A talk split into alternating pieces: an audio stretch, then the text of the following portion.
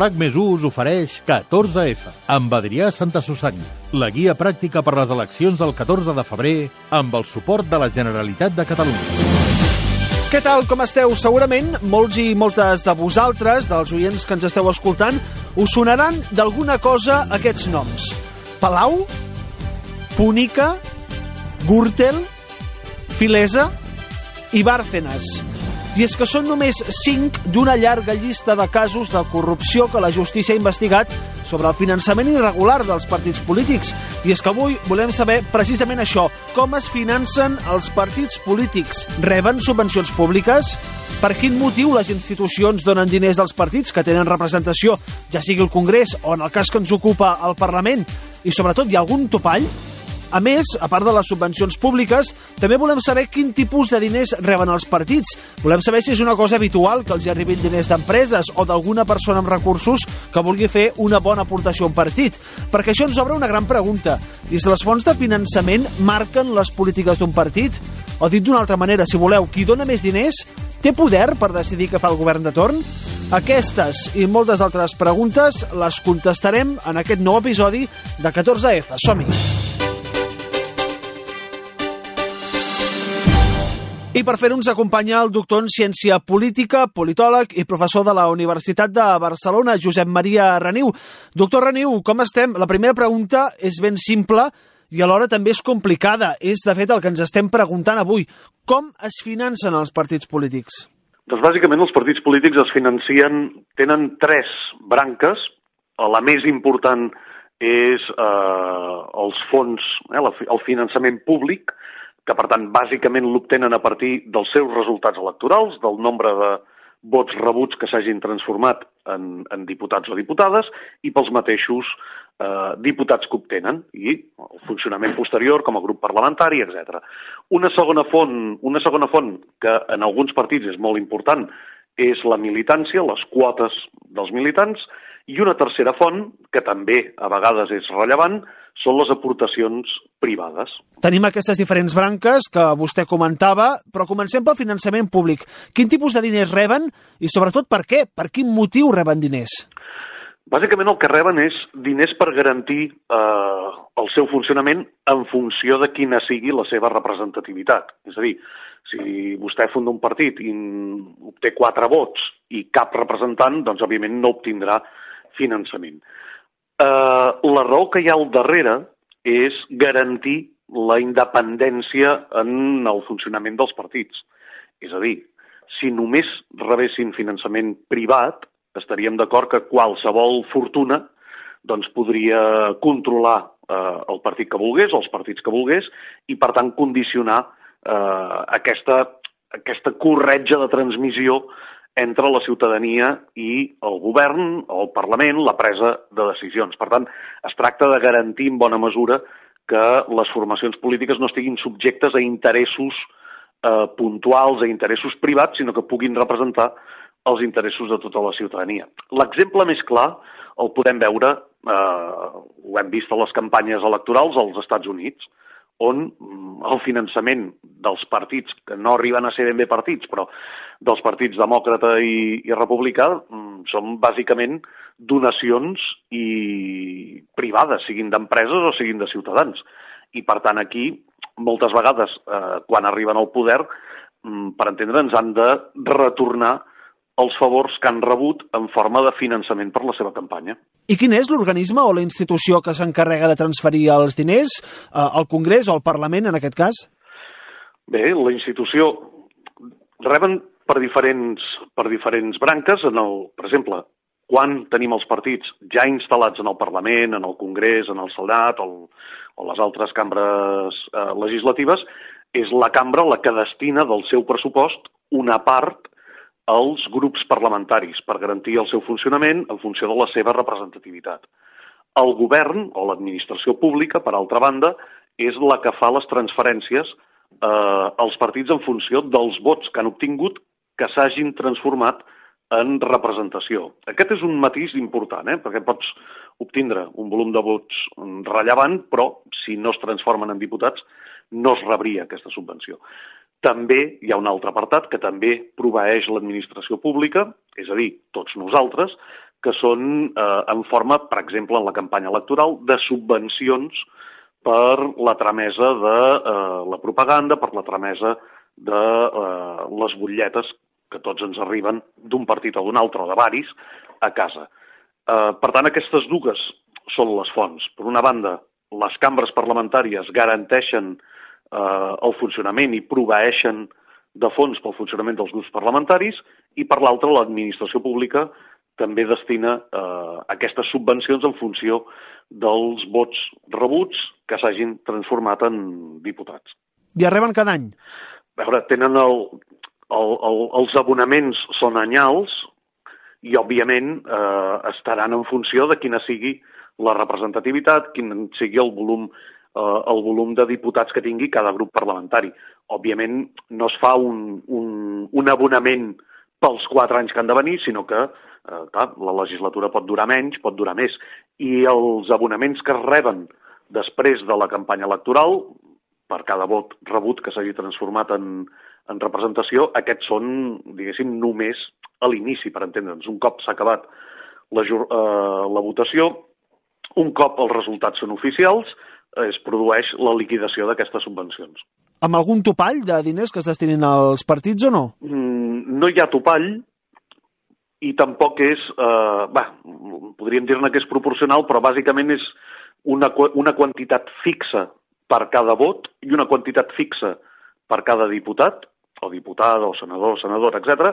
Són quantitats fixes que, òbviament, aquell partit que, posem pel cas, n'obté 100, doncs ho tindrà 100 vegades més que aquell que només n'obté un. Clar, comentava vostè ara totes aquestes subvencions públiques que reben els partits, però no sé si hi ha alguna manera de perdre-les, que es puguin retirar per algun motiu. No que jo recordi. Sé que hi va haver-hi una modificació de la llei de, de partits, sobretot en l'aspecte de finançament, que impedia que, eh, si recordeu, hi va haver-hi una modificació arran de el Erri Batasuna i, i, a fi de comptes, mm, la gestió del, del conflicte amb l'esquerra Bertzale, eh, hi va haver-hi una, una modificació, crec recordar, l'últim executiu, l'últim govern d'Aznar, que eh, va modificar la llei de partits per evitar que formacions que haguessin estat declarades il·legals, etc etc, poguessin rebre algun tipus de eh, subvenció de diner públic. Més enllà d'això, mm, no, no tinc present que hi hagi eh, possibilitats allò sobrevingudes de pèrdua de, o, o arbitràries de pèrdua del finançament. Per tant, els partits reben subvencions públiques per no haver de tenir cap dependència d'altres factors. Parlem ara de, la, de les subvencions privades. Entenc que una bona part del finançament deuen ser els militants i els càrrecs públics del partit. Sí, i cada cop diguéssim, els partits que volen estar més sanejats intenten vehicular bona part del, del finançament, no només per la part pública que hem vist, sinó també, sobretot, a partir de les quotes. Les quotes dels militants o inclús aportacions que puguin fer en caràcter puntual o caràcter més regular els càrrecs electes que tinguin aquestes, aquestes formacions o els càrrecs l'administració a l'administració pública. Això per què? Doncs perquè evita haver de dependre de dos factors externs al partit, dos factors en l'àmbit privat, com puguin ser donacions per part de ciutadans, de manera, o empreses de manera eh, regular, i dos, els famosos préstecs de la banca. Mm? Això per què? Doncs perquè acaba condicionant o pot arribar a condicionar la presa de, de decisions si aquest partit arriba a una situació, una disposició d'exercir de, el, el govern. Per tant, l'estratègia quina és? Doncs intentar cobrir amb el que s'obté de finançament públic i les aportacions dels mateixos militants, quadres, etc, intentar cobrir amb les necessitats econòmiques que tingui l'organització. I pel que fa a la resta de gent, i sobretot les empreses, qualsevol pot fer una aportació a un partit? Sí, sí, sí, qualsevol pot fer un, una, una aportació, a fi de comptes és un, és una donació més, en aquest cas amb unes entitats que són d'interès públic, com són, com són els partits, amb uns topalls, uns topalls de quantitat, és a dir, eh, si no merro no es pot no es poden accedir uns determinats llindars, crec que estan al voltant de 50.000 euros per persones jurídiques, per empreses, i per persones físiques no et sabria dir ara exactament la quantitat, però vaja, hi ha uns topalls però que es pot mm, realitzar aquest tipus de donació, si el partit ho accepta, òbviament. Un dels temes relacionats, que també històricament se n'ha parlat molt, són les fundacions que tenen els partits polítics. Estan en les mateixes condicions o hi ha alguna espècie de reglament diferent? No, jo crec, si no recordo malament, una de les darreres modificacions que hi va haver-hi era precisament que eh, les fundacions dels partits tinguessin una entitat absolutament independent, és a dir, que no es poguessin establir passarel·les de finançament, eh, com era habitual abans, entre la Fundació i el partit. Mm? Per tant, aquest lligam eh, econòmic Fundació-Partit es va, es va trencar en el sentit de considerar les fundacions com a òrgans externs al partit. Eh? Més enllà que eh, facin tasques de difusió, etc etc. Però en termes econòmics, fins on eh, tinc entès, operen de manera absolutament independent el partit respecte de la Fundació. No com abans, que era una mica un tot un revolutum i la Fundació podia ser la gran, eh, la gran recaptadora de donacions o d'aportacions que posteriorment es dedicaven doncs, a, no sé, a pagar eh, campanyes del partit. I aquí també entrem a una qüestió ètica i política, que és que si els partits reben molts diners d'una certa empresa o d'algun particular, això al final no acaba condicionant les polítiques del partit? A veure, generalment el, el volum que hi ha en, aquest, en aquestes transaccions és, és petit, mm? sobretot per la mateixa legislació, també pel mateix interès dels actors. Per què? Doncs perquè el que no volen és estar precisament eh, condicionats a l'hora de prendre determinades decisions quan arribin a, al poder, si és que hi arriben, o quan han de negociar algun tipus de producte legislatiu, alguna llei, algun, algun projecte. Eh, és per això que bona part dels partits intenten també, tot i que és molt difícil, de reduir els deutes que puguin tindre amb, amb els bancs, eh? perquè seria aquella, aquella punta de llança més fàcil de condicionar determinades decisions. Però és evident que quan menys diners, i si pot ser zero, es rebin d'entitats externes al partit, més fàcil serà prendre decisions en un moment determinat que puguin afectar en aquella entitat externa. Ja per acabar, doctor Reniu, eh, tot plegat, vostè creu que és prou transparent la llei actual del finançament dels partits?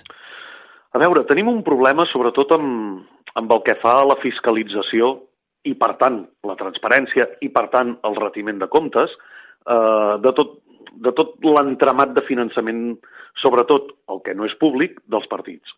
Quin és el problema? Doncs que, essencialment, el Tribunal de Comptes, que seria l'òrgan a nivell estatal encarregat de fiscalitzar aquestes, aquestes comptes, mm, coneixem de fa molt temps que porta una trajectòria d'endarreriment eh, sistemàtic. És a dir, comptes de l'any potser 2016 s'acaben analitzant ara el 2020. Eh? Crec que eren uns 4 anys de mitjana l'endarreriment que portaven. Per tant, qualsevol mm, ús fraudulent, qualsevol eh, incidència que s'hagi produït en, en aquell any 2016, potser fins al 2020 no es veu. I potser els responsables d'aquella incidència mm, ja no estan al partit o ja no estan a la primera línia política o els efectes no es poden corregir.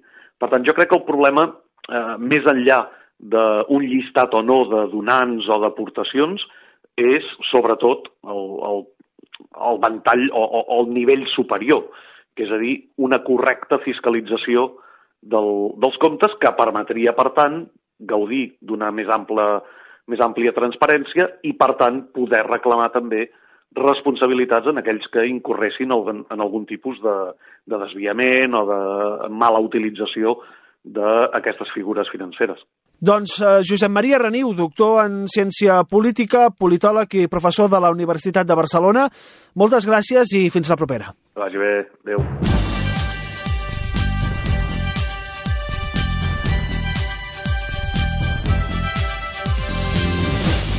Doncs ja ho veieu, els partits es financen amb subvencions públiques per tenir independència i no estar lligats a grans empreses o donants. Ara bé, això no sempre acaba funcionant. Hem parlat del finançament dels partits i al proper episodi parlarem de les enquestes. N'hem vist de tots colors durant molt temps, durant moltes eleccions algunes que l'han encertat més i d'altres que realment no s'han assemblat gens als resultats finals. Ens preguntarem què hi ha darrere de les enquestes, com es fan i si acaben o no decantant d'alguna forma el vot del ciutadà. Ho explicarem aquí, al 14F. Gràcies i salut.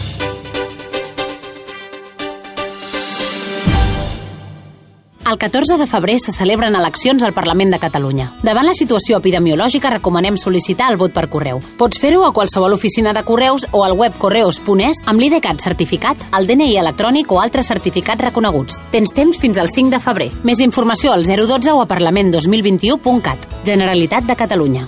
RAC més 1. Tots som Més u.